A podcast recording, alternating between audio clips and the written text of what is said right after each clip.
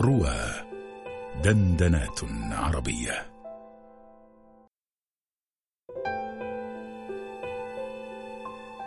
الحياة في صمت جميل.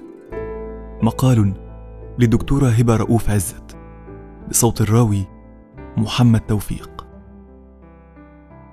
لن تعرف أهمية الكلام في التعبير والتواصل بل في الشعور بذاتك ككيان متكلم إلا حين يفرض عليك الصمت.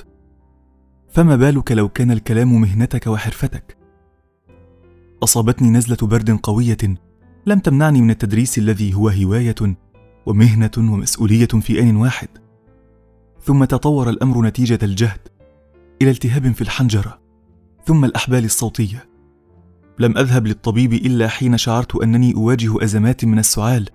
لا تسمح لي بالنوم ليله وتم تشخيص الحالة باعتبارها التهابا في الحلق والجيوب الأنفية. لكن طبيب الأمراض الصدرية طمأنني أن الصدر سليم ولا توجد به مشكلة. بعد أسبوع من المعاناة وعدم التحسن حدد لي صديق موعدا مع طبيب الأنف والأذن. قال إنه بارع جدا ومشهود له. ممنوع الكلام. فتح الطبيب فمي وحاول أن ينظر إلى باطني. وفشل مرة لشدة السعال. ثم نجح نصف نجاح في الثانية في أن يرى جزءا من الحنجرة. اختبر الأذن والأنف. ثم قام وجلس على مكتبه. ونظر إلي وكتب قائمة من الأدوية. ثم ختم تذكرة العلاج بثلاث جمل مكررة. راحة الصوت. راحة الصوت. راحة الصوت. تململت وأخبرته أنني أعمل بالتدريس. قال في حسم التهاب في الاحبال الصوتية. التدريس ممنوع لأسبوع وأراك بعد أسبوعين. إذا لم تلتزمي فسيسوء الوضع وقد نحتاج جراحة. نزلت من العيادة وأنا أفكر كيف يمكن أن ألغي محاضراتي؟ هذه مسألة معقدة. تستلزم تعويض الطلاب بما يعني البحث عن موعد ملائم لهم ومكان متاح. وهو أمر صعب للغاية في ظل ندرة الأماكن في كلية هي من أصغر كليات جامعة القاهرة حيزا طلبت من زميلة تحمل بعض المحاضرات لكن انقطاعي عن الطلاب يسبب لي أنا ألما شديدا فأنا أحب طلابي بشكل إنساني وأفتقدهم حين يغيبون أو أغيب. كان الحل ببساطة هو تأكيد معنى أن العملية التعليمية شراكة بين الطالب والمعلم وأن الجامعة ليست مدرسة ابتدائية بل مكان للبحث والتفكير والنقاش. أعطيت الطلاب في محاضرة أسئلة ليفكروا فيها في مجموعات ثم تعرض كل مجموعة أفكارها. وفي محاضرة أخرى قرأنا معا نصا عن الحرب والعنف واستعادة التمدن. وتحمل الطلاب الكلام. واكتفيت بإدارة النقاش. وفي محاضرة ثالثة استضفت خبيرا في موضوع المحاضرة ليتحدث. وناقشوه مناقشة رصينة وخرج معجبا بعقليتهم ووعيهم. أدركت أن كلام الأستاذ يكون بالخصم من فرصة الطالب في الحديث. وحين تكلموا رأيتهم يتفتحون كالورود. على صعيد الجبهة الداخلية توقفت مرغمة عن الصياح في البيت. ساد هدوء نسبي وقل التوتر. واستعنت بجرس صغير أشبه بالذي يعلقه الأوروبيون في رقبة الماشية في المراعي الطبيعية. كان والدي يرحمه الله قد أحضره كتذكار سياحي من سويسرا. وضعته بجواري حتى أستخدمه إذا أردت أن أنبه الأولاد لشيء لعجزي عن النداء.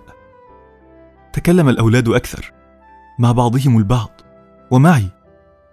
وأصبح لديهم مساحة أوسع للتعبير والاحتجاج بالطبع.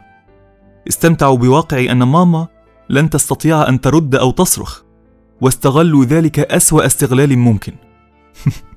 لا بأس. قليل من الحرية لا يضر. عبقرية الصمت. أفادني الصمت حين توجب علي أن أذهب لتقديم واجب العزاء في زوجة أحد الأصدقاء. التي توفيت في ريعان الشباب بعد صراع مع مرض السرطان وتركت له طفلين صغيرين. تدثرت بالصمت لأنني لم أكن لأجد كلمات أواسيه بها على أي حال. فأتاح ذلك له أن يتكلم هو عنها عن صبرها وصراعها مع المرض عن تسليمها ورضاها بالقدر وعن محبتها له ولأبنائها. وتحاملها على نفسها لتسعد من حولها في أيامها الأخيرة ورحيلها في هدوء وسلام.